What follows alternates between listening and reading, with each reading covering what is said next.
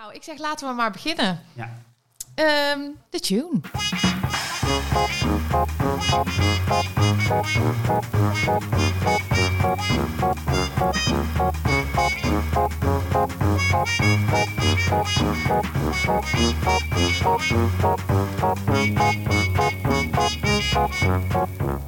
Ik zit hier, ja, we zitten hier met eh, Ties van der Meer, voorzitter van Stichting Donorkind. Welkom Ties. Welkom. Dankjewel. Je, je bent onze eerste, onze eerste gast die bij ons aan tafel aanschuift. We hebben Els gebeld, maar eh, nou, dit is ook hartstikke leuk. Voor jou hebben we een microfoon gekocht. Ik voel mij vereerd. Ja, terecht, terecht. Ehm, Veel gezelliger aan tafel. natuurlijk. en ook leuk, want ja, je bent gewoon de hele podcast bij. Dus we beginnen vaak eventjes met eh, wat hebben we zelf meegemaakt, wat was er in het nieuws, waar willen we iets over delen. Mhm. Dus ehm, stel je denkt, eh, nou, ik wil ook iets kwijt, dan eh, heel graag. Dan vul ik aan. Ja. Ja. Ehm, Esther, wil jij, eh, heb je iets meegemaakt op donorkindgebied? Ehm, ja, dus sowieso was het wel weer een eh, dolle week, volgens mij. Een Persoonlijk of qua week. nieuws? ehm? Nou, veel, veel donorkinderen in het nieuws. ja, En ook persoonlijke reacties gekregen op de podcast. ja, Daar was ik ook wel van onder de indruk. Weet je, dat, dat vind ik ook wel bijzonder aan het contact wat je met mensen krijgt. Dat het, eh, dit gaat niet over koetjes en kalfjes, maar je komt meteen tot de kern ja. eh, eh, op een onderwerp. Het donorkind zijn en wat het voor je betekent of wat je herkent bij elkaar. En ehm, ja, het is ook heel bijzonder om gewoon van mensen te horen ehm, wat de podcast voor ze betekent. zeker. Eh, Ja, en dat ze het fijn vinden om ons te horen praten. Ik zei net al, hè, van, ik vind het zelf een beetje spannend om mezelf terug te horen. Maar nou ja, dat, dat zijn bemoedigende berichten. Op, Dus bij aflevering daarvoor. 10 vragen we dat nog een keer of je dat nog steeds spannend vindt. Ja, ja. En ehm, eh, wat deed me dat nou net aan denken? Ehm, oh ja, weet je wat ik leuk vond? Dat we ook reacties, ik kreeg ook reacties bijvoorbeeld van collega's van mij, die gaan dan luisteren. En eh, zei iemand van ja, maar ik ga ook een DNA-test doen hoor. Want als ik daar mensen mee kan helpen, dan. eh, en dat vind ik zo leuk dat, dat we dat bereik ook hebben. ja zeker. Ja, en dat is inderdaad ook fijn, want op die manier kun je gewoon weer, weer iemand helpen. Wat, wat heb jij meegemaakt? eh, Eefje? Nou, ik, ja, ik maakte. eerst aan Ties vragen? Ik zie je naar Ties kijken. Nou, ik, eh, ik wil wel iets delen. Ik, ik heb heel veel meegemaakt. Ik, vind sowieso... ehm, nou, de uitspraak in de rechtszaak van Maria was er. Ehm, niet helemaal waar eh, ik, wij, denk ik, op gehoopt hadden. Ehm, ja, misschien kunnen we daar dan meteen eventjes over hebben, die uitspraak in de rechtszaak. De rechter zegt, legt het eigenlijk terug bij eh, de regering van nou, maak er maar een wet voor, want het is voor ons moeilijk hier een uitspraak op te doen. Ja, dat vond ik teleurstellend. Ja, vind, vind ik ook. Maar aan de andere kant, waar, waar ik heel blij van werd, was de rechter die zei van ja, maar het is wel een, het is een kinderrecht en daar moet, dat moet onafhankelijk getoetst worden. En ehm, zoals het nu gaat voor donorkinderen van voor 2004, wordt dat niet getoetst. Eh, dus dat kan niet. En eigenlijk zet dat de deur dus ook open Ja. voor, voor donorkinderen met een anonieme donor van voor 2004. Want de rechter zegt, ja, eh, volgens kinderrecht moet dat getoetst worden onafhankelijk. Ja, En als je gewoon zegt, eh, ja, eh, sorry, anonieme donor en doei, wordt het helemaal niet getoetst. Ja, maar ik vond het toch jammer dat ze er niet echt een oordeel over gaven. Ja, Want ja, nu duurt ja. het natuurlijk nog heel lang. Ja, ja. Maar nee, ik vind dat al wel een beetje een oordeel, zeg maar. Van Ja. Die zeggen, ze zeiden alleen van, ja, hè, dit, zit- dit zit niet goed. maar het is niet aan ons om nu die belangenafweging te maken. We wisten natuurlijk eigenlijk dat die wetgeving al nodig was. En Hugo de Jonge die... Sorry, even is de twee- microfoon een beetje dichterbij. Ja. Is praat zo lekker zacht.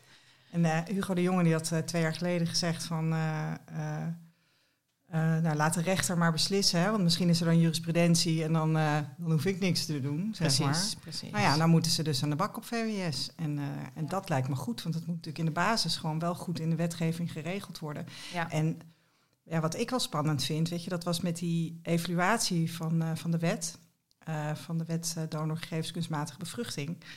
Daarin is een juridische toets geweest. En in die juridische toets stond eigenlijk dat donorconceptie helemaal niet houdbaar was. Omdat je eigenlijk altijd gewoon als kind het recht hebt om te weten wie je ouders zijn. Ja. Anonimiteit is altijd... Die anonimiteit, hè? Of, of, of ja, of misschien dan ook wel dat wachten tot je zestiende. Nou ja, ook die. Want daar worden ook vragen over gesteld. En daar zijn we natuurlijk ook...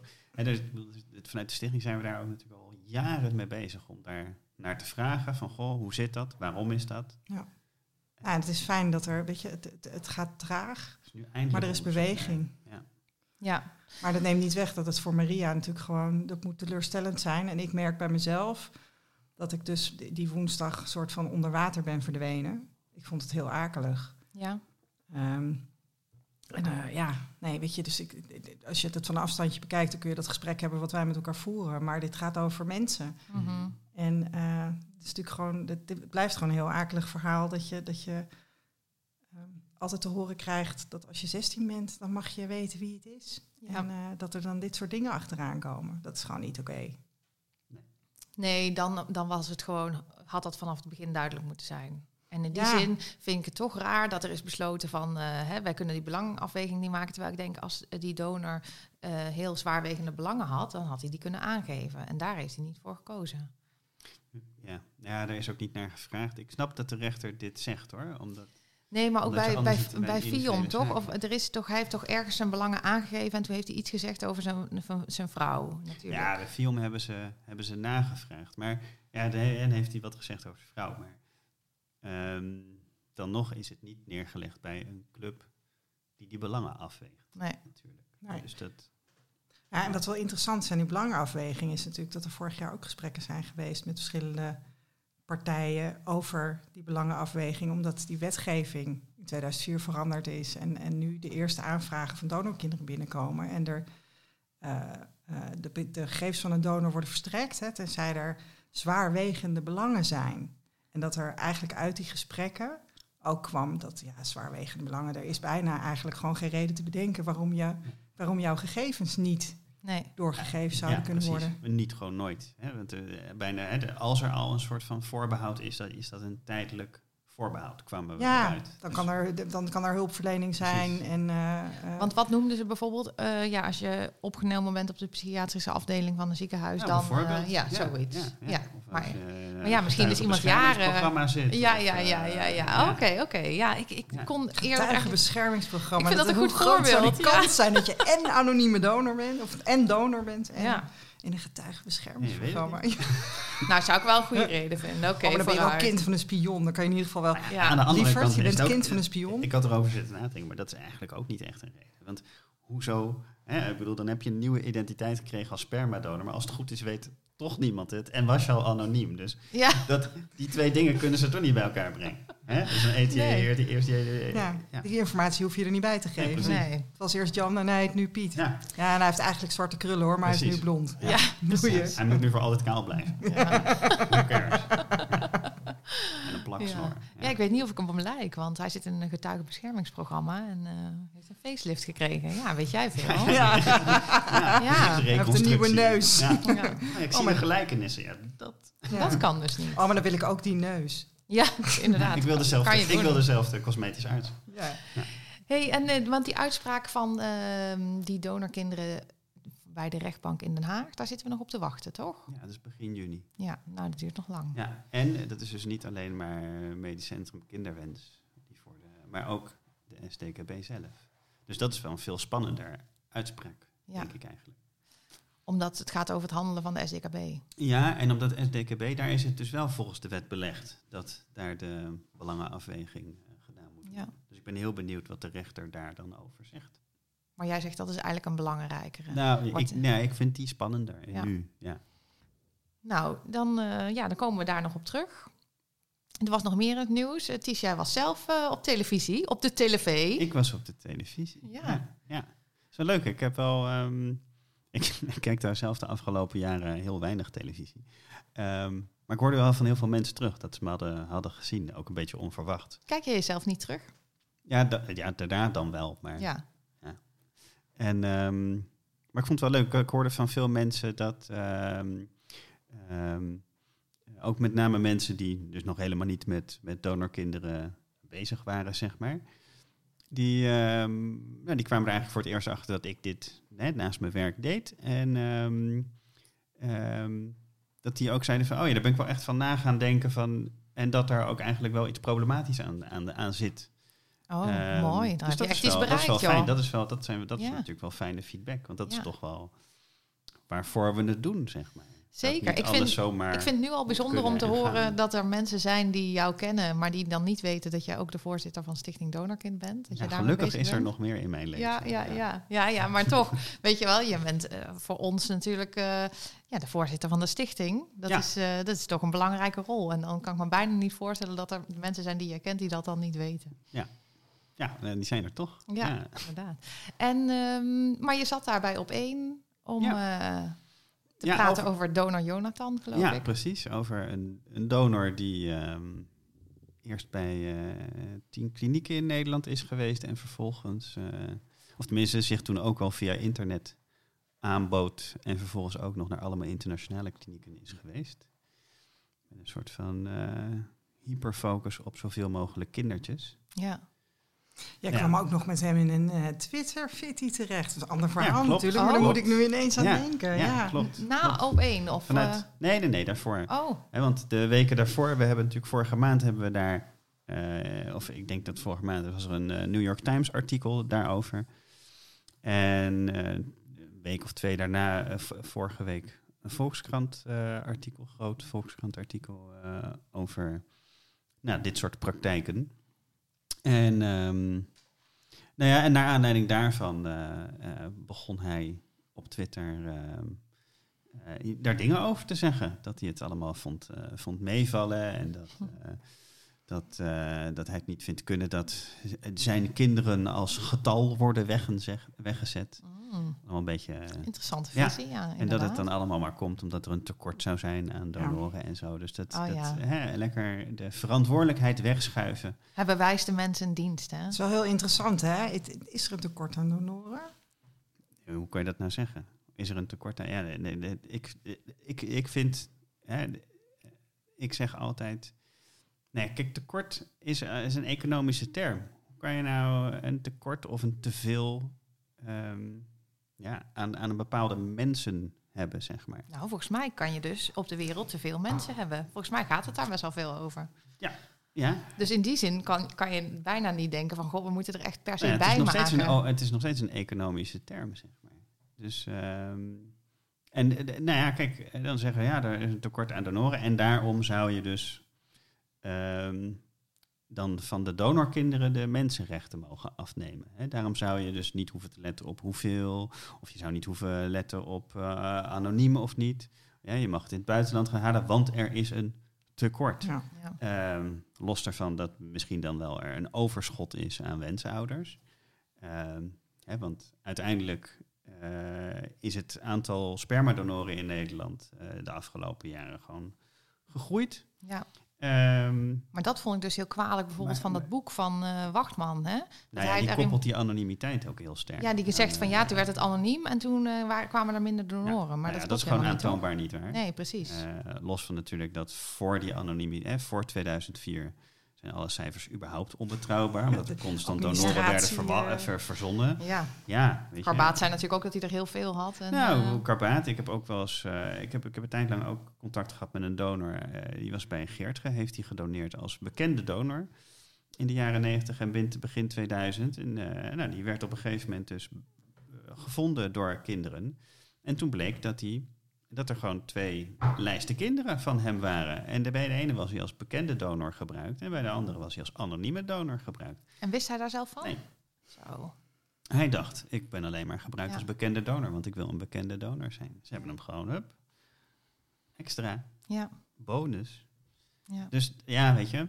Maar ehm, Maar ik haalde jou van het op één verhaal af, inderdaad. ja, en, en, en over dat je dus eh, mensenrechten zou mogen afnemen als er, als er een tekort is of Ja. zo. Ehm, en dan denk ik, ja, weet je, eh, dat, eh, los daarvan hè, dat ik denk van ja, je mag niet mensen hun mensenrecht afnemen, ook niet als er een tekort is, ook niet als je iets heel graag wil. Nee.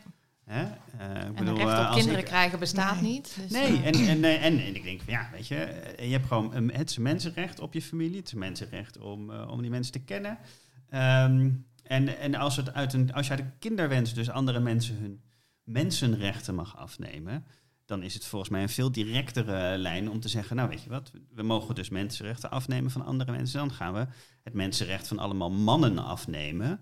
En dan worden zij gedwongen om sperma te doneren. Want dat is ook een mensenrecht dat je hè, lichamelijke integriteit. En als ik als man heel erg een kinderwens heb, dan mag ik dus vrouwen verkrachten. Want ik wil heel Ja. graag een kind. Met andere maken. woorden. Ja, Ja. Ja, maar Ja. Dat, wat, wat die wensouders doen, hè, dat is, wat daar zo wonderlijk aan is, is dat je op het moment dat je ouder wordt, dan is alles erop gericht om te voorkomen dat je kind schade oploopt. Hè. Dan zijn ouders die, die, die Mhm. zijn, je bent vooral de hele tijd bezig met voorkomen dat het kind eh, in, de- verzuipt in de vijver, eh, zich snijdt met een mes. eh, maar Gepest ook, wordt ook op school. gepest wordt Ja. op school. Nou ja, goed, je probeert gewoon zo goed mogelijk voor dat, dat kind te zorgen en het te behoeden voor al het kwaad. En als je dan op deze manier een, een kindje krijgt, dus met, hè, door naar het buitenland te gaan voor een, een, een embryo of een eitje of anoniem zaad, dan, dan, dan ontneem je eigenlijk je eigen kind al bepaalde Ja, rechten doe je dus voordat, het, voordat het geboren is. Dat nou onvoorstelbaar echt. Nou ja, ik, ik, het rare vind ik altijd, want het mooie aan ouderschap is volgens mij, hè, daarom vinden we dat als collectief, als samenleving, vinden we dat eigenlijk wereldwijd heel mooi aan ouderschap, dat ouders zich opofferen Mhm. voor hun kind. Hè? Die zorg gaat boven alles. Ehm, maar om dat kind dan te krijgen, mag je echt super egoïstisch zijn. Ja. Ja. Ook naar je kind toe. Daarvoor, Hè? voordat dat kind er echt is, dan Lukt mag alles. Ja, maar dan is dat ja. kind nog een concept, weet Ja. je wel. Dus dat kind is dan nog niemand. Dat is Nee. misschien dan lastig voor te stellen. Ja. Maar ik, dat- ik, ik, wel, ik vind het eigenlijk ook wel een bruggetje naar... eh, Ja, gaan we het doen? ja, Nou ja, het is, eh, jij, jij hebt dat nog niet gehoord, maar ik had het Esther al even verteld. We hadden een mail gekregen van een partner van een donorvader. Ehm, en zij mailde ons dat ze luisterde naar de, de podcast. Nou, dat is hartstikke leuk, fijn. Ehm, maar zij mailde ook, ze had wat eh, onderwerpideeën aan te dragen. Want zij vond het belangrijk dat we het hadden over ehm, wat moeders meemaken als ze dus de donorvader van hun kind ontmoeten. Want de opluchting die zij had gezien, hè, dan in de ogen van die moeders, eh, want die hadden zich al die jaren afgevraagd van, nou, met wiens eh, Met wiens sperma dat is. heb ik, eh, ja, precies. En Van wie heb ik een kind? van wie heb ik een kind? En ook ehm, haar eigen positie, hè, ze zei de partners van donorvaders, ehm nou, vond ze ook een belangrijk onderwerp. Ja. En op zich, ehm, daar, ik was het er niet per se mee oneens, maar het stoorde me toch best wel dat zij eh, die mail nu stuurde na Hmm. aflevering 1, misschien was aflevering 2 net online. Ehm, en ik, ik zat daarover na te denken, maar dat kwam ook weer tijdens dat klussen naar voren. Hè, want ik was aan het schuren, dus ik zei al, ik kon geen muziek luisteren. En dan ga je denken. En ik dacht, waarom vind ik dat nou zo vervelend? Dat zij ehm, nu die mail stuurt. Eh, dus ik heb haar, eh, ik heb, ik heb, en daar kwam ik dus uit. Ik dacht, ja, ik vind het gewoon eigenlijk ongepast om. Het gaat altijd al over. Het donorkind wordt eigenlijk gemaakt om de, de wensouders gelukkig te maken. Ehm, ik eh, merk bijvoorbeeld zelf, eh, het, ehm, de partner van mijn donorvader, ja, dan denk ik, oeh, voorzichtig eh, met zijde handschoentjes. Want als zij mij niet, nou ja, zij is, hè, Je moet ze wel tevreden houden, want als zij dwars gaan liggen, ja, de precies. Dus, maar deze podcast, dit heet niet voor niks de kwakwak. Het is juist bedoeld zodat donorkinderen vrij kunnen spreken zonder de hele tijd rekening te houden met al die andere eh, mensen die betrokken zijn bij het donorkind. Eh, en wat ik het allerbelangrijkste vond, dat ik dacht, ja, daar mag wel ooit een keer kunnen we het hier over hebben, van eh, hè, dit onderwerp vanuit hun bezien. Maar eerst vind ik het belangrijk dat we dit onderwerp bespreken vanuit het eh, oogpunt van donorkinderen. Natuurlijk. En ehm, ik zei tegen haar, en, en- want dat besef kwam ineens tot mij. Ik dacht, ja, zij, zij zei, want ja, wij zitten ook in deze situatie. En toen dacht ik, ja, wensmoeders, donorvaders, partners van donorvaders, die zitten inderdaad in deze situatie. Maar wij, donorkinderen, wij zijn de situatie. Mhm. En, en ehm, die wensouders, die, die kunnen best zich vervelend voelen. Hè? Dat ze met terugwerkende kracht denken van... ja, was dat nou helemaal handig? Of ben ik naar een beetje naar een loesje kliniek gegaan? Of, nou, dat kan ik me allemaal voorstellen. Maar ja, ze hebben wel bewust een keuze gemaakt... om zich met donorsperma te laten insemineren... om het geheim te houden. Donorvaders hebben bewust gekozen voor donorsperma. Dus dan denk ik, ja, daar moet jij mee dealen... dat jij die keuze hebt Ja, gemaakt. als jij een kind hebt gemaakt, dan moet je ermee dealen dat er een kind op de wereld is. En dan kan je het super moeilijk over gaan doen. Maar er is nu eenmaal een kind en dat Ja. heb jij gedaan. Ja. Ja, dat kind kan niet terugkijken en En verantwoordelijkheid nemen, vind ik. Hè? Want je kan wel vervelend vinden dat er dat er nu uitkomt, doordat eh de ontwikkeling is Ja. in DNA-land, dat er nu uitkomt dat jouw kind van een eh, donorvader is. Maar dan denk ik, ja, dat is dus de verantwoordelijkheid die er komt bij de beslissing die je ooit hebt genomen. En je had misschien niet verwacht dat die voor- verantwoordelijkheid zou komen. Ja. Maar die is er nu wel. Ja. Dus, Nou, ehm, ja, het is, ik, dus ik vond het lastig van tevoren, want ik dacht, ja, die vrouw bedoelt het natuurlijk ook, hè, die bedoelt het niet verkeerd. En, die, en zij ziet het gebeuren. Dat is ook een lieve mail. En, Ja. eh, ja, het is leuk Dus- dat mensen betrokken zijn, dus dat is sowieso Dus fijn. dat is heel leuk. En maar ik dacht, ja, het is toch belangrijk om mensen terug te geven van, weet je, ehm, ja, dan, dan heb je toch nog niet helemaal door hoe het is om als donorkind die situatie te zijn, in plaats van het te zien of het mee te maken. nou ja, al die mensen hebben zichzelf in die situatie gebracht. En ja, weet je, eh, als donorkind heb je niet de keuze gehad van, oh, wacht eens even, ja, maar dan word ik niet geboren hoor. Nee, Dat, Nee, dan kom ik niet. Dan doe ik niet mee. als mijn vader, als mijn vader eh, ergens Ja. anders eh, verblijft en mij niet gaat opvoeden, dan kom Nee, ik niet. nee. Nee. Dus, en er zit, kijk, er zit ook. ehm, ik vind er, er zitten een paar dingen aan. Hè? Die, bijvoorbeeld die keuze zit daar aan vast. Maar ook ehm, in, in, op elke manier waarop je hier naar kijkt, zijn de donorkinderen degene die hier de minste macht over hebben. Ook in de eh, regelgeving en hun, hun, hun juridische positie. Die donorkinderen ehm, hebben gewoon niks te zeggen. Nee. Nooit. Nee. Eh, hè, wij moeten gewoon opkomen voor, voor hele basale mensenrechten. En dat moet allemaal maar bewezen worden. En we moeten verdedigen dat we zeggen van ja, wacht eens even, maar dit is gewoon hè, biologische familie, mag je dus familie noemen. Dat soort hele basale rechten, daar moeten wij voor opkomen. En dan krijg je terug, ja, maar dat, eh, dat kan je toch ook wel rustiger zeggen. Of eh, nou, ehm, hè, je moet niet, hè, er moet toch ook oog zijn voor de donorkinderen die, die niet gaan zoeken. Ik denk, ja, weet je, eh, ik zeg toch ook niet bij elke keer dat ik een wensouder langs zie komen. Ja, er moet ook oog zijn voor mensen die geen kinderen willen krijgen. Ja. Ja, Ja. Dat, dat is ook heel belangrijk. Nee, ik bedoel, ehm, en, en dit vind ik er, ja, weet je, eh, ik vind dat een hele, ik vind een lastige vergelijking, omdat het eh, echt op een ander niveau is wat dat betreft. Maar het is in die zin een soort van echo van wat je ook hoort bij Black Lives Matter. Ik moest en dat er dan wordt gezegd, all denken. lives matter. Ja, Ja. ja. Nee, Nee. in dat is nu niet het probleem. Precies. Het gaat nu niet om, Nee. om, eh, om all lives. Precies dit voorbeeld, Ties, moest ik aan denken. Dat, eh, dat het een beetje is als in de, de racisme-discussie. eh, dat, dat de witte mensen dan als eerste hun vinger opsteken. Dat ze ook iets willen zeggen. Dat ze ook een keer achtergesteld zijn geweest. Ik denk, ja, dus nee, die mensen zijn nog niet aan de beurt. En zo voelt dit voor mij ook. Dat ik denk, ja, ooit een keer komen we bij jou terug. Maar eh, deze keer nog niet. Ja, en, en ik wil best een genuanceerde discussie voeren. eh, maar dan wil ik eerst mijn rechten.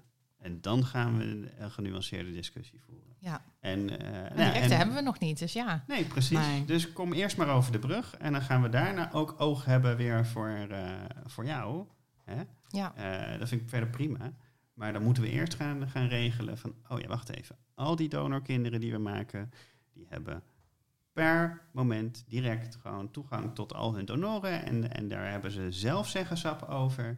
En eh, daar hoeft niet op gewacht te worden van... oh, mag ik alsjeblieft eh Maar denk je, wat jij nu zegt, denk je dat dat ooit gaat gebeuren eigenlijk? Ehm, ja, ik denk het wel. Oh, Ja, wat positief. Ja. Oh, wat Ja. mooi. Ja. ja. En, en ja. Ja. het is toch fijn als de voorzitter van de Stichting Donorkind dat zegt. Vind je niet, Esther? Ja, natuurlijk. Ik denk het wel. Ja. Ik denk niet al nog terwijl ik voorzitter ben, maar ik denk, nou, het zou best kunnen dat we dat nog wel gaan meemaken. Er is sowieso wel een hoop gebeurd, hè, die is de afgelopen jaren. Ja. In de perceptie. eh, Ja. Ja. Ja, want daar willen we het eigenlijk graag met jou over hebben. Van eigenlijk waar komen we vandaan? Hè? Met Ja. donorconceptie, maar ook met Stichting Donorkind. Mhm. Ehm, Mag ik nog even? Ik, wil, ik heb de behoefte om nog heel eventjes dat, dat, dat het, jouw reactie eh, eh, op die mevrouw, mhm. ehm, eh, om daar nog iets over te zeggen. Want ik Ja, vind dat je dat fijn. heel mooi gedaan hebt. En ehm, ik, weet- jij, jij stuurt mij een appje van, joh, ik heb, ik heb een mail gestuurd.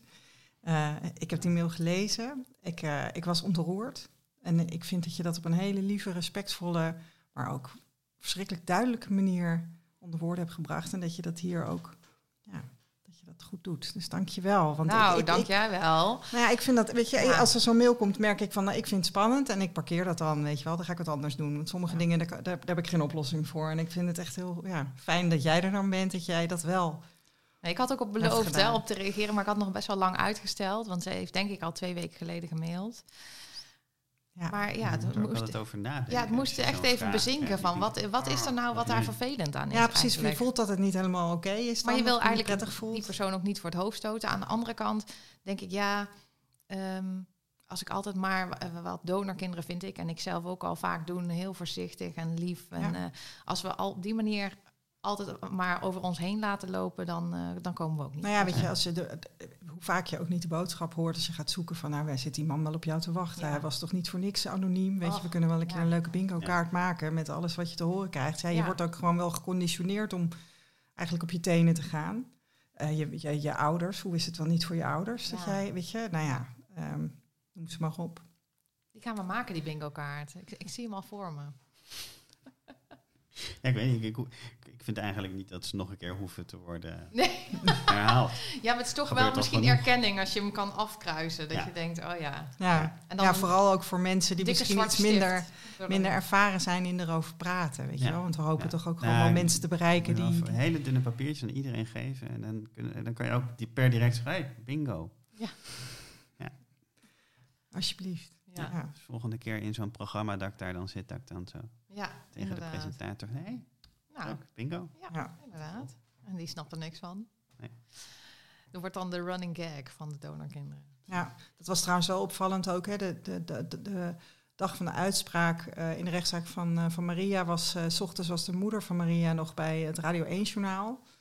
En Jurgen van den Berg die presenteert dat. En die ging best wel in dat gesprek ook in op... eh, van, nou ja, dat je toch ook wel begrip moest hebben eigenlijk voor zo'n donor. Die, weet je, en dan krijg ik ook wel een beetje een witte oude mannengevoel hoor. Zijn situaties ook veranderd? Zoiets zei hij. Ja, dat ik kan. denk, ja, ja. tuurlijk ver- verandert zijn situatie ook.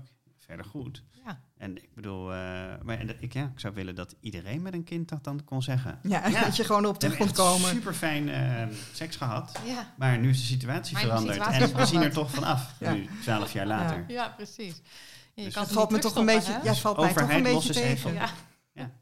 Wij willen graag anoniem zijn Ja. vanaf nu. Ja. Ja, en ik wil ook nog even met jullie delen dat ik gisteren toch weer in shock was. En ik was weer verbaasd over mijn eigen naïviteit. Want eh er was familie van, eh, van mijn vriend was op bezoek. En zij vertelde dat eh ander familielid... nou, we wisten dat het zwanger worden, wilde zwanger worden, maar ging niet vanzelf. Dus ik vroeg hoe het daarmee was. En toen zei, zei die vrouw die bij ons was, die zei, nou, ze gaan naar Portugal. En ik, de naïveling die ik was, dacht, oh, ze gaan Vakantie. emigreren of, of op reis. Ja, een Nee. hondje ophalen. Dat, Nou, een eicelletje, hè? Ja. Dus, ehm, en dat vond ik toch wel schokkend. En, en, eh maar vind ik het ook interessant om met jou over te hebben. Want eigenlijk, eh, nou, zaaddonatie is voor ons wel een onderwerp waar we natuurlijk ondertussen best wel wat van weten. Mhm. Maar eigenlijk de eiceldonatie, nou, mijn vriend die, ehm, die reageerde heel fijn, die, die werd heel fel. En toen zei ik al tegen Esther van, nou, dan vind ik ook fijn, dan hoef ik even niet zo Ja, van leer Ja. te trekken. Eh, want die zei echt, nou, ehm, waarom en waarom naar Portugal? En, ehm, maar hij, ging, eh, inf- eh, hij ging informatie opzoeken over eiceldonatie. Ja. En bijvoorbeeld eh, kwam hij op de vrije website van Freya en ervaringen. Er stond een kopje met, kon je kijken naar mensen die ervaring hadden met eiceldonatie. En er stond geen enkel donorkind van eiceldonatie tussen. Nee, En toen dacht ik, kennen wij eigenlijk al eh, ehm, in onze donorkinderengroep al mensen die... er zitten, als het goed is, twee donorkinderen van eiceldonatie in onze donorkindgroep. En is eiceldonatie dan zoveel later opgekomen dat... Ja, dus is, ja, dat is echt, echt gewoon veel later. Omdat je, Wanneer... eh, om eicel te doneren, ja, moet je IVF doen, dus in vitro fertilisatie. ja, En kijk, ehm spermadonatie is gewoon super eenvoudig. Ja. Hè? Dat, ik bedoel, het is gewoon een kwestie, ik bedoel, het sperma komt eruit en het moet ergens anders weer in. En dat, dat kan nog een tijdje buiten blijven bestaan, zeg maar. Ehm, dus ehm, de eerste, de eerste medische tijdschrift waarin spermadonatie werd beschreven, eh, is uit 1910. En die behandeling zelf Wow. is uit 1883.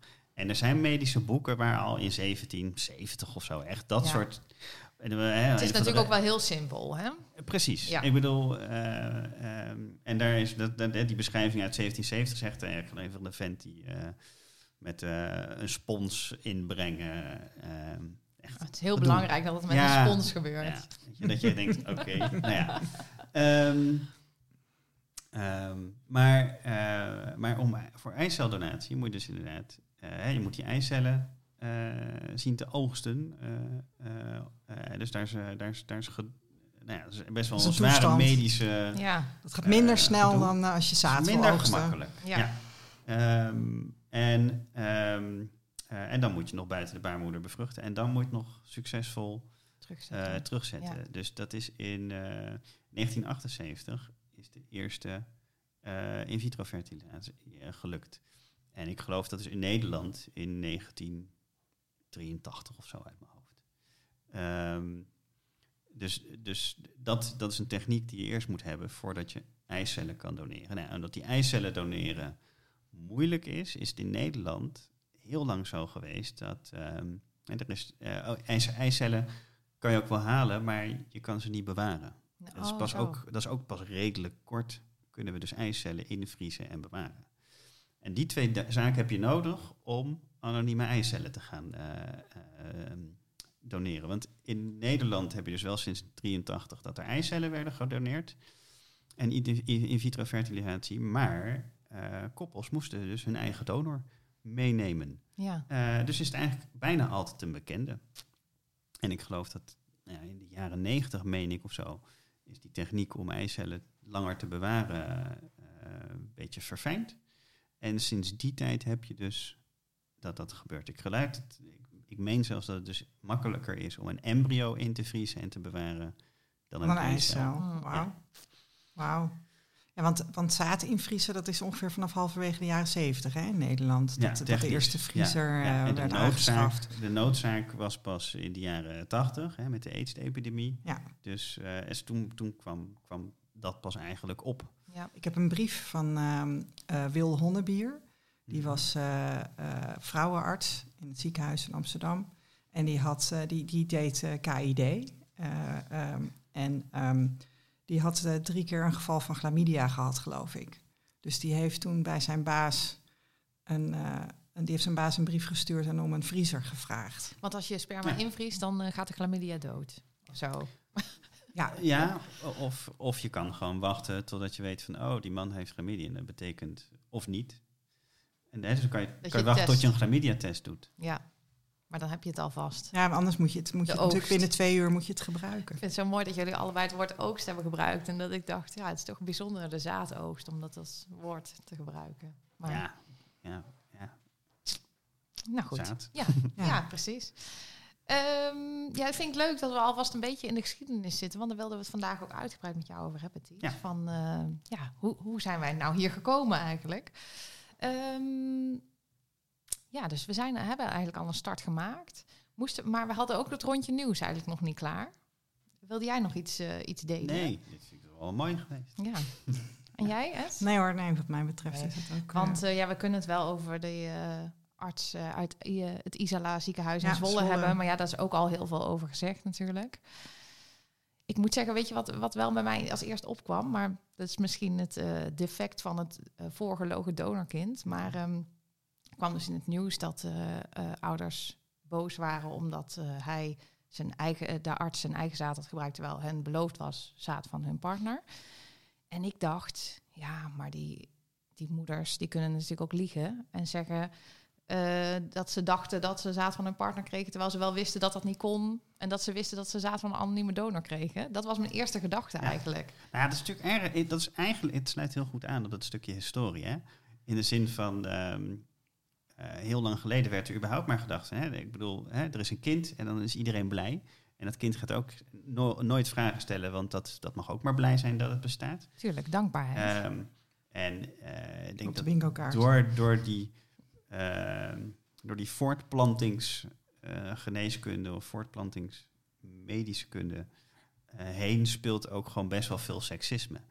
Dus eh, ik meen ook dat, die, dat dat eerste geval uit 1883, wat in 1910 beschreven is, dat daar ook bij staat dat de vrouw in kwestie, die eh, bezwangerd werd, ehm, daar ook niet van op de hoogte was dat dat niet met het sperma van haar man was. Mm. Natuurlijk de man wel, want die, wordt, hè, die moet je daarover inlichten. Dus Logisch, Tenminste, tenminste ja. het brein van de operatie. Maar vrouwen moet je niet serieus nemen. nee, natuurlijk. nee, die zouden daar niet tegen kunnen Nee. natuurlijk. En die worden Ehm, maar hysterisch dan. Ja. nou, precies. Ik heb ook wel eens gehoord dat, dat dus sommige mensen te horen kregen van nee, maar donoren, eh, helemaal voor, eh, voor alleenstaande vrouwen, die moeten anoniem zijn, want anders wordt zo'n vrouw verliefd op Ja. die man. Ja, dat is En een mechanisme, hè? Dat werkt, Ja. dat werkt automatisch zo. echt, Ja. eh, Knopje gaat dan om. Ja, de, de, de, de vrouwelijke seksualiteit is eh, wat dat betreft voor dit soort eh, artsen, tussen haakjes, eh, een, eh, een open boek. Ja. Ja, ja, zij wist er alles van. precies. Ja. Ja. De psyche ook. Dus, eh, Ehm, wanneer, eh, wanneer had jij zoiets van dat je je aan die stichting eh, wilde verbinden? ehm, Want die bestond al volgens mij toen jij eraan verbond, ja, of niet? Nou ja, Stichting Donorkind in 2006, 2007 zeg maar. in 2006 zijn mensen gaan organiseren, geloof ik. In 2007 is het echt officieel een stichting geworden. En in 2009 ben ik betrokken geraakt bij de stichting, 2009, 2010. En ehm, dus dat is al echt eh, na eh, die wetswijziging in 2004. En waarom, waarom ben jij betrokken geraakt? Wat is er, wat is gebeurd? Nou, ehm, ik merkte ehm, nou, gedurende mijn twintigjes, op een gegeven moment had ik mijn jeugd wel verwerkt. En, ehm, maar ik had wel zoiets van, ja, wacht eens even. dit- het heeft altijd al een beetje geda- dat ik gedacht van, ja, eh, het is natuurlijk eigenlijk niet oké dat mij ontzegd wordt dat ik mijn biologische familie mag kennen. Daar zit iets raars aan. En ik merkte van, ehm, ik, ik, ehm, ik moet iets met dat feit, zeg maar.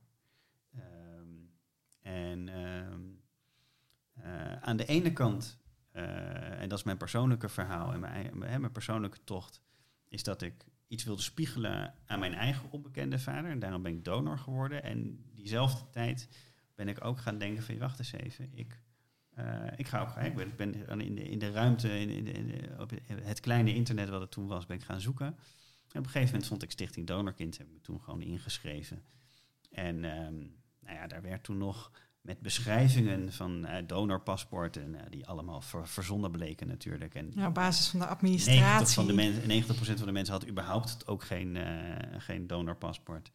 Ehm, en dan op eh, bloed, eh, bloedgroepen en zo zouden dan eh, gematcht gaan worden. Nou, is natuurlijk nooit wat uitgekomen. Ehm, maar in die tijd ben ik betrokken geraakt bij de stichting. En toen ehm, Nou, toen is de, de stichting die startte een register, hè? Dat, dat, dat, ja, dat, er- dus, er- ja die, nou, tenminste, die waren een soort van, soort van database aan het Ja. maken. En die waren, ehm, nou ja, er was een adressenbestand, er was een nieuwsbrief één keer in de zoveel tijd. Ja, toen is er wat gedoe geweest binnen Stichting Donorkind. Eh, een beetje een strijd over hoe er met DNA eh, omgegaan zou gaan worden, zeg maar. Ehm, en maar ook, was daar al sprake van dan toen? Want de DNA-databank van Viom is pas in 2011 toch? Ja, klopt. Ja, Alleen, dat alleen dat traject om dat op te zetten, daar was Ja. toen al binnen het bestuur van de stichting. ehm, ehm, nee, er, wa- er waren ideeën over van goh, dat er moet wat mee gebeuren. Ehm, er was ook wel een potje geld vanuit de overheid dat dat zou gaan eh, doen. Alleen er was oneenigheid over hoe dat gedaan zou worden. Er was eh, ene een, bepaalde donor en een paar donorkinderen zeiden nee, dat moeten we allemaal in eigen hand gaan doen en dat moet naar Amerika. En dat kostte toen nog echt heel veel geld en dan kon je dat in Amerika gaan laten, één op één laten, laten vergelijken met elkaar. Of we moeten het in Nederland beleggen. Eh, en dat zou dan dus via, via, via en dan ehm, zouden die gaan kijken voor een partner voor een databank. Nou, dat is uiteindelijk dus de FIOM KID DNA databank geworden. En binnen Stichting Donorkind is dat, nou, is dat een tijd tumult geweest. Er is dus eh, conflict geweest tussen verschillende bestuursleden en vrijwilligers en dat soort dingen. Dat is aan mij en ook een heleboel andere mensen die toen de, nieuw, toen de Stichting Donorkind wel volgde, volledig voorbij gegaan, zeg maar. Het is alleen op een gegeven moment dat je merkt, hé, hey, wacht eens even. Ik krijg van twee clubs een nieuwsbrief, of daar staat soms iets anders in en de toon is wat anders daarin. Dat is een beetje apart. Ehm, en ik denk dus dat ik in 2009 of 10 heb ik ehm, eh, met twee andere donorkinderen hebben we de eerste ehm, bijeenkomst voor donorkinderen georganiseerd. De eerste bijeenkomst voor donorkinderen in Nederland. Ooit, volgens mij. eh, in Utrecht. Cool. En toen we dat aan Ja. het organiseren waren, toen kwamen we daarachter met z'n drieën zo. Hè, met, met z'n drieën kwamen we voor het eerst bij elkaar en dachten, wauw, dit is voor het eerst dat ik met andere donorkinderen heb afgesproken. Gewoon in de, in de aanloop van die, van die dag. En toen kwamen we erachter van, oh, we zijn alle drie vegetariër. Ah! Van dezelfde donorvader. Oh, Eh, jongen. Nee, dus je weet het niet. Hè. Straks, Ja. zijn alle, straks zijn alle donorkinderen vegetariër. Ehm, wat een mooie wereld zou dat zijn. Nou, maar oké. prachtig. Ehm, nee, maar. ehm, dus toen hebben we, hebben we een eerste bijeenkomst georganiseerd. En nou, Stichting Donorkind, die vrijwilligers die daar en de, de, de bestuursleden die daarachter zaten, die, ehm, die hebben echt nog rechtszaken met elkaar gehad en zo. Maar dat uiteindelijk is het weer één stichting geworden. En toen was dat bestuur, die had zoiets van, nou, nu, hebben nu staat die stichting tenminste weer stevig. Er is bij FIOM een, uh, een KID uh, DNA-databank. En nu willen we nou ja, de boel overdragen aan een stel mensen die dan kunnen gaan bouwen dat er gewoon een, een stevig belangenbehartigerspunt komt. En, um, uh, en zij wilden dat niet meer doen. Uh, dus dat is zeg maar, de, dat, was toen de tijd nog Jelte Sondij en Beryl Dreyer. Die hebben dat dus opgezet onder andere. En um, Lex van Wietingen en, Rosa Dim en ik we werden toen gevraagd van, joh, zouden jullie dan eventueel nu het bestuur willen gaan vormen? Want jullie wonen ook dicht bij elkaar. Jullie zijn allemaal een beetje actief. Dus uh, dat lijkt ons wel wat. En dat hebben we toen gedaan. Toen hadden we iets van, ja, wat zullen we dan gaan doen? Toen hebben we Fion benaderd van, goh, mogen we een keer jullie, via jullie adressenbestand van mensen die ingeschreven staan, um, een nieuwsbrief gaan versturen. Um, en dat is dus inderdaad wel in de tijd dat er net die DNA, hè, die DNA-databank bij, bij FIOM was. Dat programma Wie is mijn vader was geweest. Nou, dat, dat had veel inschrijvingen in die DNA-databank opgeleverd. Nou, via FIOM hebben we dus uh, een mailing daaruit gedaan. Toen iets van 200 volgers en we hadden een, een Stichting Donorkind clubje op uh, Hives. Was dat toen nog? Hives, ja. fantastisch gewoon. Um, en, uh, en op die manier zijn we langzaam zo gaan, gaan bouwen. En er was, een, er, was een, er was een website gelukkig. Er was een, uh, een mailadres en, um, en er was een bankrekening en een, en een, uh, en een stichtingsakte. Um, en um, dat was het. Dus vanaf dat punt zijn we gaan, zijn we gaan bouwen. Ja. ja, en gelukkig kwam later Facebook. Ja, want dat en, doet wel heel veel goed, denk ik, voor uh, Ja, de, uh, gelukkig kwam, kwam Facebook, hè, of tenminste, dat was december en die, die, die tijd, 2011, 12, stuk de tijd geweest, dat iedereen naar Facebook ja. uh, naar ging.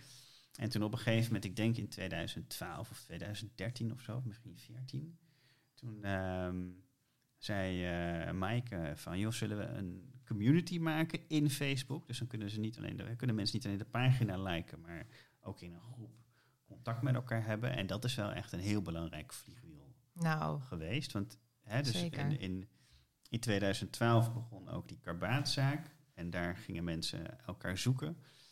Uh, en maakten het ook, of tenminste, kwam die, kwam, hè, kwamen de eerste um, beetje duidelijker geruchten over karbaat naar buiten in de media.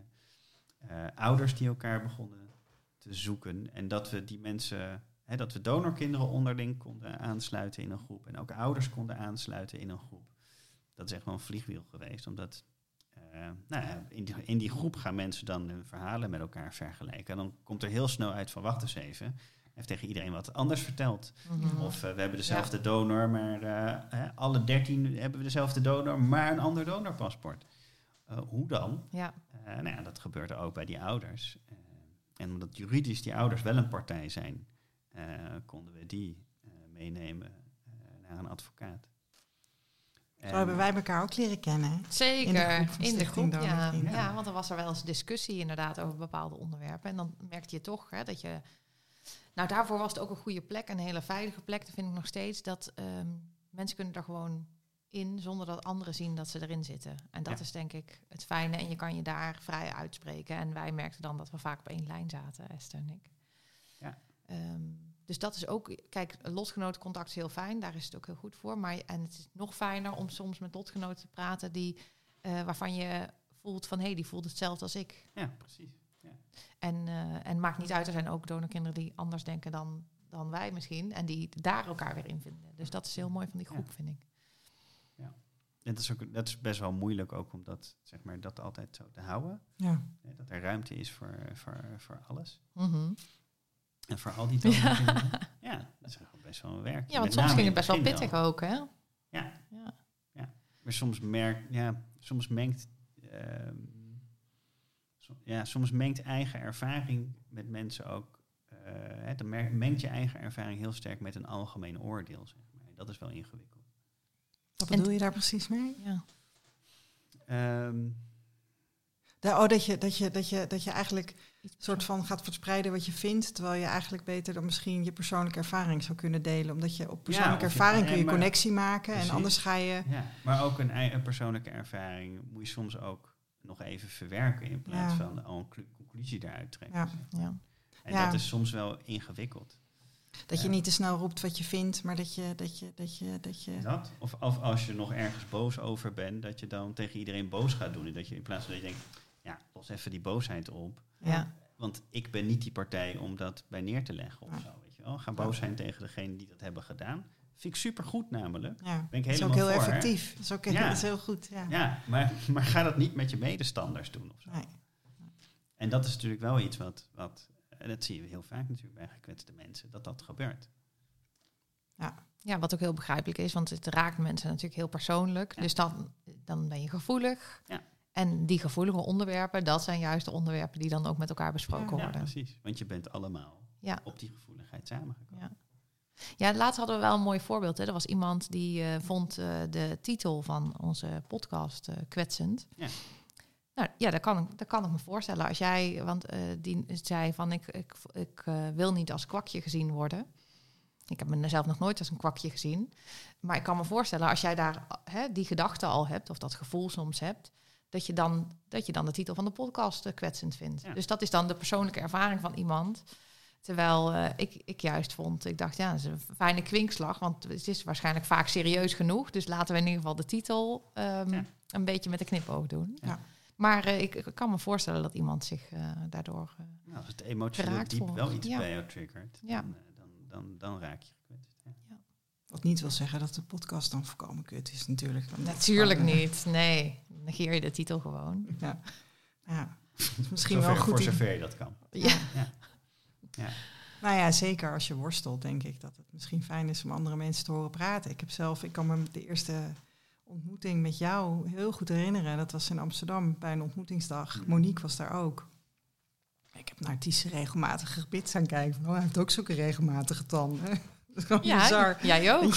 ja, maar goed, weet je, op zoek naar herkenning, hè, want Ja. het zijn andere donorkinderen. Dus Ja. dat is echt bizar. En, ehm, maar gewoon dat, het- gesprek voeren en eh, hoe, hoe andere mensen erover denken of wat het met je doet.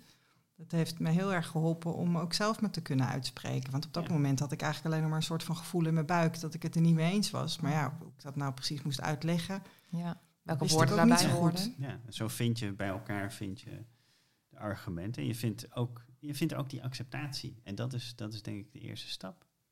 Ja. Hè, dat mensen denken, oh ja, ik ben niet de enige. En het is niet raar dat ik me zo voel. Ja, ja vooral dat laatste Ja. inderdaad. En het is oké, eh, het mag ja, ook. precies, Eh, ja. Ondanks dat, eh, dat we dus die bingo-kaart hebben. Met Ja. dat je blij moet zijn dat je er bent. En ja, dat je ouders je heel erg wensten. Ja. Ja, ja, ja. Dat het dus helemaal, dat heeft, nou ja, dat- Staat los van elkaar. Ja, precies. En ehm, dan is het misschien wel goed, want volgens mij is er binnenkort weer een ontmoetingsdag. Dus misschien zijn er wel mensen die luisteren van die denken van hé, hey, zo'n ontmoetingsdag, dat lijkt me fijn. Hoe gaat dat? Ja, maar Ja. wanneer is die ook? Oh, dat weet ik niet uit mijn hoofd. Oh. 17 april. Kijk, Ja, 17 april en het vindt op dit moment eh, online plaats. Ja, Je kunt mailen naar ontmoetingsdag.donorkind.nl en dan, eh, dan krijg je de, de link. Ehm, en ik, ik weet niet precies van hoe laat tot hoe laat het is. Dat heb ik Nee. dan weer niet opgeslagen. maar dan kan je dan eventjes eh, checken. Het staat misschien op de website van Donorkind en Ja. ook wel, denk ik. ja. ja. En dat moet- dat betekent ook dat ik wel binnenkort even achter die mail moet, dat mailadres moet kruipen waar mensen zich aanmelden. Oh, heel goed. Ja. Nou, ik begreep dat de vorige keer ook digitaal was en ik was er niet bij, maar dat het eh, leuk was. Ja, Ondanks digitaal. heel- Want Nee, ik was- wil zeggen ondanks digitaal, want ik vind toch niet alle Ja. digitale bijeenkomsten leuk. Nee, nee, het was echt wel een, eh, een succes. En ehm, wel, ja, wel anders dan face-to-face. Ehm, maar digitaal is het iets makkelijker om rustig ehm, je verhaal aan elkaar te vertellen. En dat doen mensen ook iets compacter. Ehm, Face-to-face is heel fijn dat je ehm, juist die emotie ook van elkaar kan aannemen. Maar het is ook nou, soms ook best pittig, omdat je al die emotie krijg je ook wel. eh, ja, je ziet hem wel echt recht voor je, vlak naast je. Ja. Dus dat is, ehm, is allebei mooi. Maar als opstapje, eh, en dat kregen we ook wel terug. Sommige mensen zeggen, hè, ik bedoel, het is gewoon de eerste keer met andere mensen hierover praten. Helemaal eerst geheim moet houden van je ouders. is gewoon best wel een ding. Ja. Ehm, en ehm, nou ja, dat, dat je dat dan online kan doen, dat maakt die drempel wat. eh, Ik kan me Lager. voorstellen, ik vond de eerste keer heel spannend namelijk. Zo. Ik, ging Ja. echt, ik heb ook heel lang getwijfeld. Ik denk, wil ik dat wel? En ga je dan, eh, hoe ga je dan kijken naar mensen? Ga je de hele tijd denken inderdaad van, oh, zitten hier broers of zussen? Of, eh, Ja, ja. Nou, dat, het, ik, bedoel, ik vind dat heel confronterend. En nou ja, dat voor heel veel mensen dus ook dat het iets is wat ze geheim houden, is ook heel erg heftig. En soms hoor ik echt onzin genoemd worden. Hè. Dat hoor je, hoor je andere mensen zeggen, ja, maar eh, donorkinderen gaan ook zoeken omdat ze het in de media horen. En dan denk ik echt van, ja, dit is echt, weet je, ik bedoel... je hebt het echt niet begrepen. Nee, maar dat is, ook, dat is net zo'n uitspraak die zeggen, ja, mensen worden homo van de, van de ehm, Gay Pride. gay pride. Ja, Je denkt, ja, eh, niet dus. Nee. Eh, dat zit heel diep in je. Ehm, en ik denk dat je de positie van donorkinderen echt kan vergelijken met die van homo's in de jaren 70, eh, als het niet de jaren 60 is. Dus juridisch gezien hebben wij echt nog een vrij slechte positie. En maatschappelijk gezien eh, hebben we ook niet echt een heel sterke positie. Want het is nog helemaal dan om bijvoorbeeld te zeggen, oh ja, maar eh, zoeken ga je van... ja. van al die optredens in de media. Dus dat soort oor- vooroordelen mogen nog. Dat soort disqualificaties Ja. mogen nog. Ehm, Dat doet me ook denken aan, ehm, waar ik ook van de week aan moest denken, is dat ehm, ik hoor heel vaak van mensen die gunnen het mij heel erg. Hè, dat mijn vader, eh, mijn donorvader, wil ook geen contact. En dan zeggen ze ook, ik hoop echt dat hij het wel een keer wil. Maar ze kunnen net zo goed in dezelfde zin, hè, achter een komma, zeggen van... eh, ja, maar ik oordeel niet over eh, andere mensen die ook een donorkind willen, ook niet anoniem. Want dan mag iedereen zelf weten. En dan denk ik, dan, dan voel ik me zo... Dan denk ik, die eerste opmerking is voor mij dan helemaal leeg. Want dan denk Ja. ik, voel ik me zo niet gesteund. Omdat Ja. ik denk, je Ja, snapt het niet waar het over gaat. Je begrijpt je het niet. Nee. Nee. nee. En dan, dan, dan staat die eerste opmerking dus Ja. ook nergens op. Want waarom mogen mensen het zelf weten of ze kinderrechten schenden of mensenrechten schenden? Dat snap ik gewoon niet. ja, nee, maar dat is, dat is net zo'n net zo'n net zo'n uitspraak als van... ja, maar ik vind best dat homo's el- elkaar kussen. Alleen niet als ik het zie. Ja, ja, ja. Ja, Ja. eh, dat is gewoon echt een heel erg onveilige opmerking, hoor. Dat kan je niet doen. Ja, dus ik vind dat vaak best wel eens moeilijk als mensen dat toch zeggen. En dan voel ik me toch, terwijl... En dat is dan dat je iets persoonlijk neemt, wat gaat niet persoonlijk over mij. Maar dat het me toch persoonlijk raakt, dat ik denk... ja, maar eigenlijk val je mij nou af voor mijn gevoel. Snap je? Maar ja, je moet de Ja. hele, niet de hele dag alles persoonlijk nemen... want daar word je heel moe van maar, eh, en verdrietig. Maar dat voel ik wel soms zo. Ja, ja dat, dat is toch ook. En daar is echt nog wel heel veel werk te doen. Ik denk wel, hè, dat is wel iets eh, waar heel veel in is verbeterd de afgelopen. Ja, vertel eens, wat is er verbeterd? Nou, kijk. Want jij hebt het gezien. Ja, nou, toen ik, ik, ik, ik eh, in 2011 werd ik dus gevraagd als, als voorzitter samen met Lex en, eh, en, en Rosa in het bestuur. En toen het duurde vrij niet, duurde niet lang, want die, eh, de, de eerste evaluatie van de wet donorgegevens werd toen voorbereid. En toen ehm, mochten, mochten we dus naar VWS komen. Echt zo, nou, nou, wauw. Ehm, en gewoon met een stel beleidsmedewerkers eh, praten over, van, nou ja, wat, wat, zou, wat zou volgens jullie dan als partij in het veld onderzocht moeten worden? En een van die dingen was die ik zei van ja, volgens mij moet je ook onderzoeken of eh, die gegevens eigenlijk wel goed worden bijgehouden en of dat allemaal wel klopt. Eh, en oh, of, die, of, die, of, die, of, die, eh, of het ook medisch allemaal wel veilig is en of er geen nadelen aan want zitten. klinieken hebben natuurlijk ook een reputatie op dat vlak, hè, als het gaat om administratie en zo. Ja, Dus, en nu ja. zijn zij degene die de Ja. systemen vullen. Precies. Maar die beleidsmedewerkers, en dat was toen dus ook al, maar die beleidsmedewerkers, die reageerden toen echt van, eh, goh, ehm, niet om het een of ander, maar hoe durf jij zoiets te zeggen? Het zijn wel dokters, hè? Dus die zijn te vertrouwen. Ja, Ehm, we en- hebben iets andere ervaringen. Maar dus dat, Ja. hoef je, dat hoef je niet te, te- Ja, maar toen waren die Bizar. ervaringen er nog niet. hè? Nee, Nee. precies. Eh, dus we zitten, to- toen waren we plotseling gewoon nog in de tijd dat het allemaal boven enige eh, kritiek verheven was.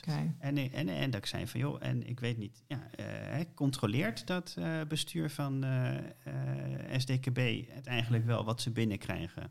En zijn alle afspraken eigenlijk wel achter, hè, zijn die wel nagekomen?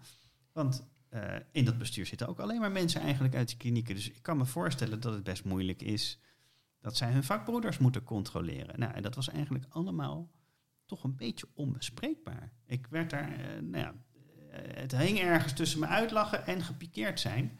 Het, Ehm. eh, als jij het zo zegt, denk ik, het lijkt een, bij, een beetje alsof ze een klein kind toespreken. Van hoe durf je zoiets te vragen? Nou, nee, dat, dat gevoel had ik ook niet bij die jongens. Maar meer dat, dat ze het heel lastig vonden dat, dit was toch de, de betrouwbaarheid van de overheid, zeg maar. En Ja. dat, dat medische systeem werd daar dus bij ingekapseld. Ehm, en misschien terugkijkend ook wel, ehm, want toen was ook al gewoon bij het ministerie ook al duidelijk dat de STKB best wel dysfunctioneerde. En ze hebben ook echt mensen eraf gehaald en anderen neergezet omdat het gewoon te erg was. Ehm, en dat speelde denk ik een beetje in die tijd.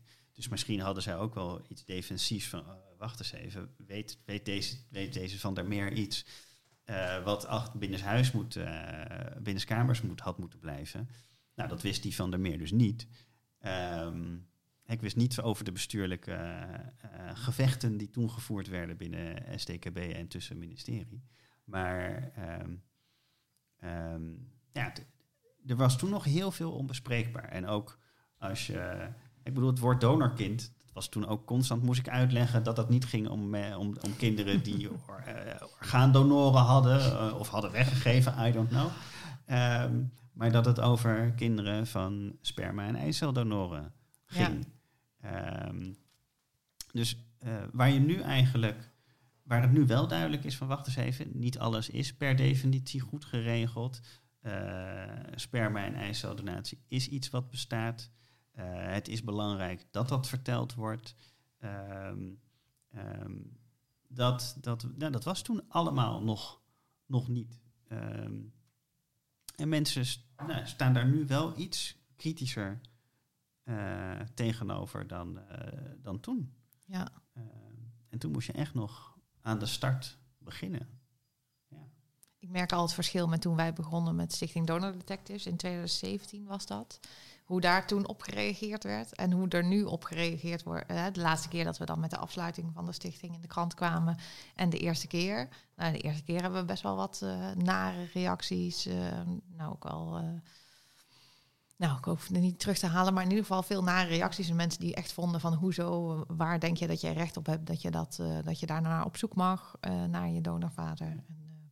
En, eh, nu dat mensen ook vaak reageren van, nou, ik snap het heel goed dat Ja. je dat wil weten. Nou, en iedereen heeft het recht om te weten wie zijn ouders Ja. zijn. Ja. Dus we zijn wel van eh, in die zin al in, in eh, kleine vier jaar tijd ook heel ver. Dat heb ik zelf dan meegemaakt. Maar ik kan me nu ook beter voorstellen, je zei eerder van, nou, ik geloof wel dat, eh, ehm, dat de rechten van donorkind, eh, donorkinderen erkend gaan worden. Hè? Dat, dat, eh, Ja. dat er beter geregeld gaat worden. En, en ik had dat, heb dat gevoel nog niet zo. Maar nu snap ik wel vanuit jouw visie. Hè?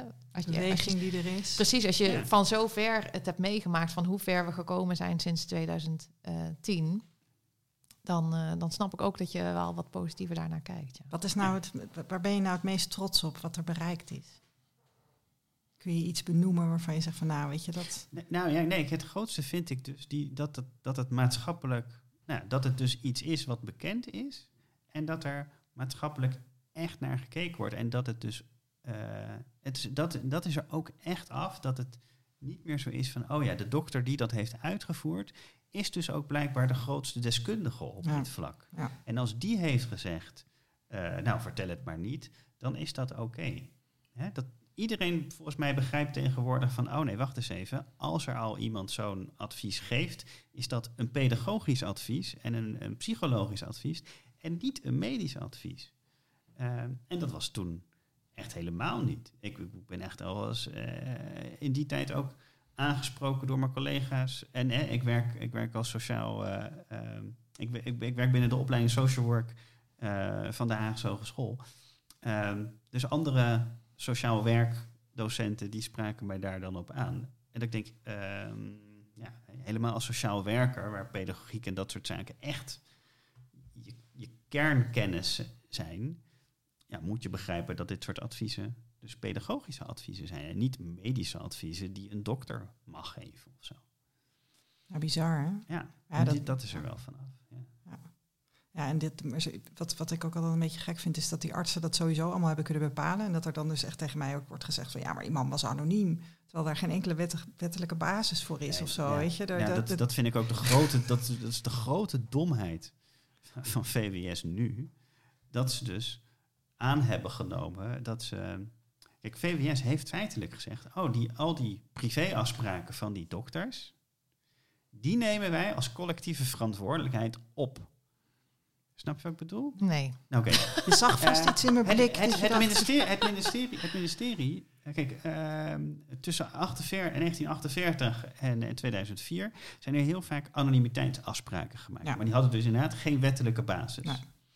Daarvan kan je dus zeggen als ministerie, ja, superleuk dat jullie dat hebben ja, gedaan. dat jullie van die één op eentjes met elkaar hadden. Maar ja, eh, maar ehm, ja, daar zijn wij niet verantwoordelijk voor. Dat is gewoon echt jullie probleem, dat jullie onhaalbare afspraken hebben gemaakt. Hè?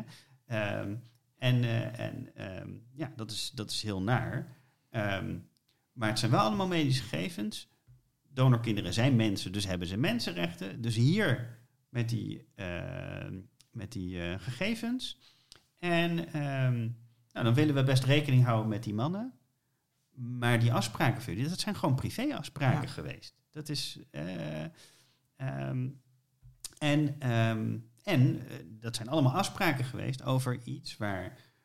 Zijn we volgens mij het allemaal over eens. Medici geen zeggenschap over hebben. Hè, Medici is dus nooit enig moment geweest in de geschiedenis dat dokters eh, binnen de uitspraken konden doen over familieverbanden.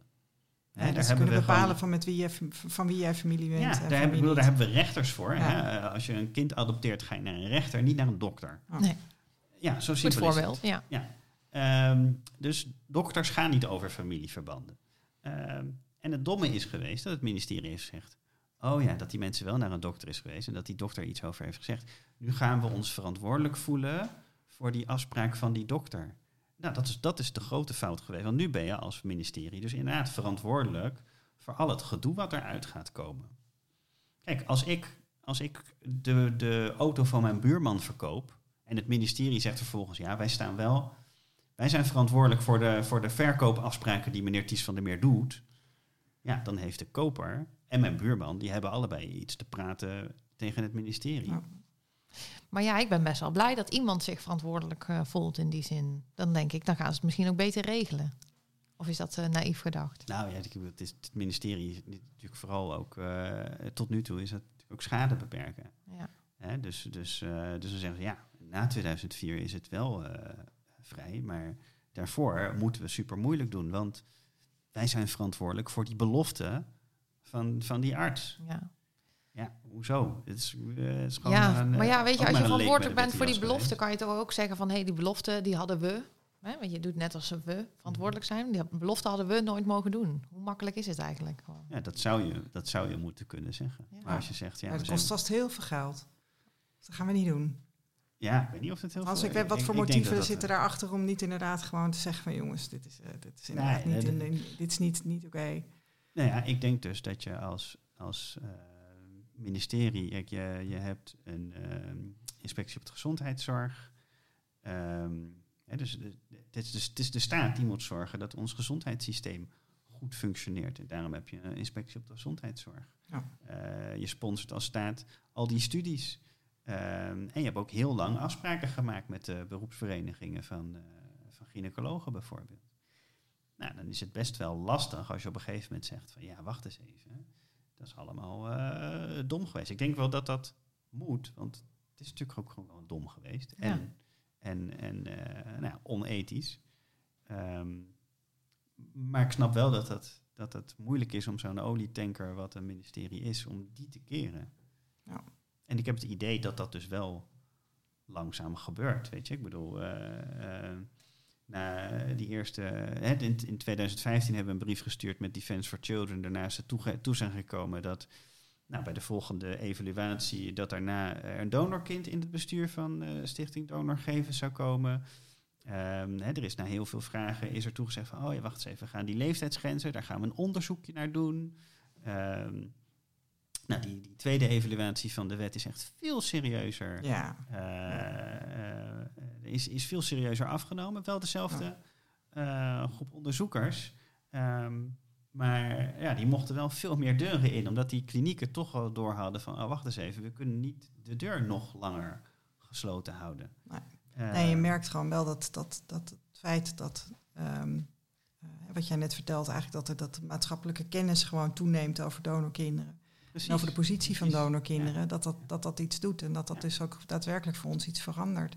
En ik denk ook dat de huidige generatie gynaecologen, eh, en artsen daar ook wel echt anders in staan dan daarvoor. Ik denk dat daar wel stapje bij stapje de cultuur verandert. En ik, ik, ik was heel. eh, wij waren bij die bijeenkomst eh, van hè, zwaarwegende belangen Ja. een paar jaar geleden.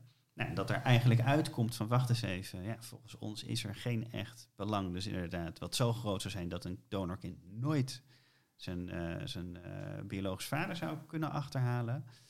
Hè, daar zaten ook allemaal mensen van klinieken bij. En ik, daar was ik echt heel fijn dat we daar vrij unaniem tot, Ja. tot die mening kwamen. Want, nou ja, wat ik al zei, weet je, ik bedoel, het, is, het is maar vijf of, of zeven jaar geleden dat, nou ja, toch een beetje de, het idee was van ja, eh, dat die man daar geen zin in heeft. Of Ja. hè, een moeilijk gesprek moet voeren met zijn vrouw. Dan denk ik, Ja. oké, mijn, mijn mensenrecht om te weten waar ik vandaan kom en of ik, of ik zaken in mijn, in mijn eh, genetische aandoeningen misschien wel heb. Eh, dat ik kinderen krijg en dat ik die ook hun historie wil kunnen vertellen. Dat is allemaal minder belangrijk dan dat iemand een moeilijk gesprek Ja. moet voeren. Ongemak ja. mo- moet Ja, voelen. oh, daar Ja. voel ik me even ongemakkelijk Ja. bij. Nou, dat Ja. gaan we dus niet doen. We gaan het niet eens aan hem vragen. Nee, nee. Want ja, je, Nee, maar dat, dat, dat hele tiptoeën, dat je is moet er toch onzin. niet Ja. aan denken dat hij, dat hij zich ongemakkelijk zou voelen. nee, dat Maar ook zou het, überhaupt ook het problematiseren van de relatie tussen kinderen en hun ouders. En dus ook donorkinderen en donorvaders. Weet je, de, de ervaring die we nu hebben met de donordetectives.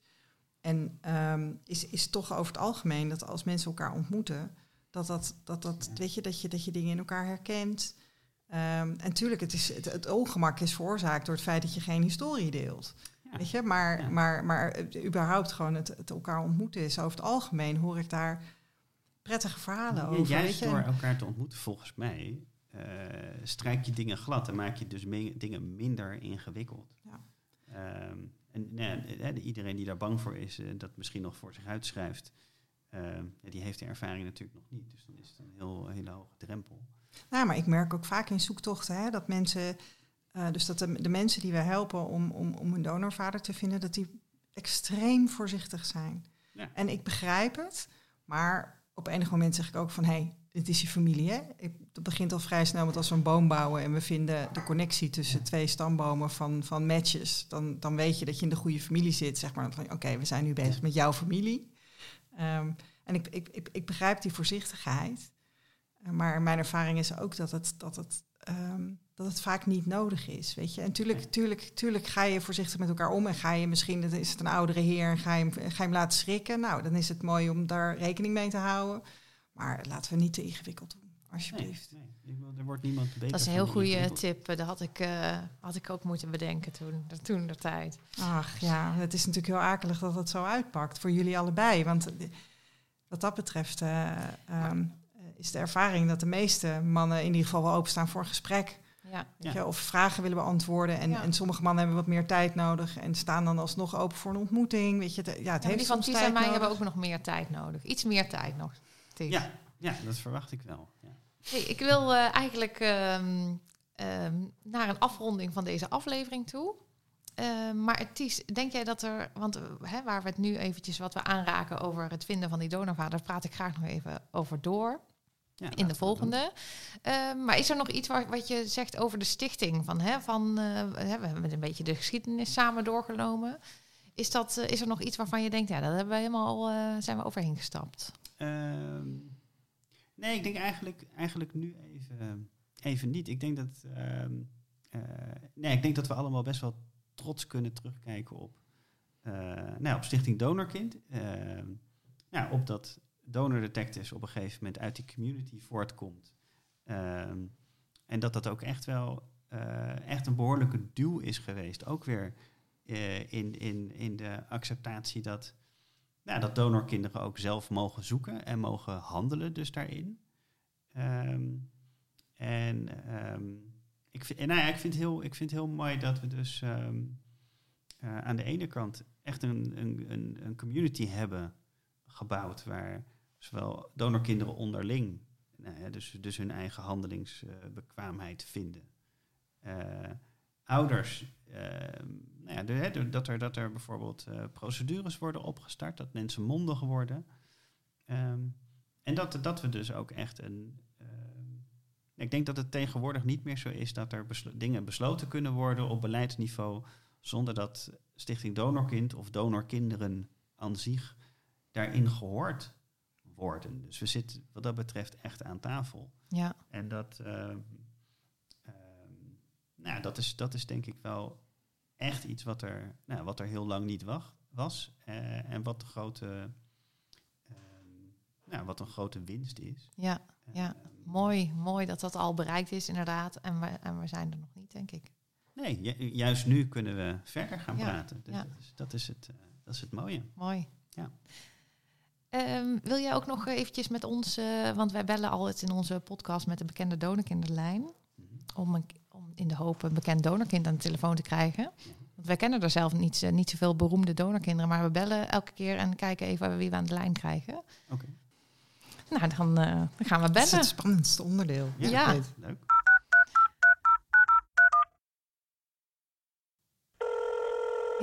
Hij gaat over.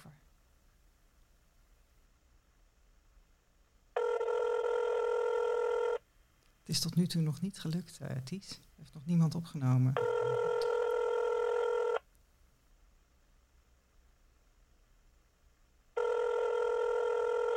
Ik ben bang, Esther. En jij zei vorige keer, je mag hem niet vaker dan vijf keer laten overgaan. Nee, nee, dat mag, van je mag niet van mijn moeder. Het is weer niet gelukt. Ach, nou, ja. Ik heb wel een ideetje misschien voor de volgende keer. Maar dat, eh, Is dat een cliffhanger? dat, is- dat is de cliffhanger van deze, van deze show. Nou, dan eh, bedank ik Ties alvast eh, voor al je informatie eh, en voor wat je doet voor Stichting Donorkind en voor al die donorkinderen. En dan, dan gaan we in de bonusaflevering nog even lekker verder praten. Dan wil ik onze luisteraar bedanken voor het luisteren naar aflevering 4 alweer van De Kwak Kwaakt. Heb je vragen over deze aflevering of andere afleveringen? Mail ons dan op dekwakwaakt.gmail.com. Vind je onze podcast leuk en interessant? Abonneer je dan op in je favoriete podcast-app. Dan weet je het meteen wanneer er een nieuwe aflevering online staat. Deze podcast wordt gemaakt door Esther de Lauw en Eefje Habets. En de tune heet Speak Easy, is gemaakt door Shane Ivers en te vinden op silvermansound.com. Wil je nou ook nog horen wat Ties te vertellen heeft over zijn persoonlijke ervaringen als donorkind en hoe hij zijn donorvader vond? Luister dan naar de bonusaflevering met Ties.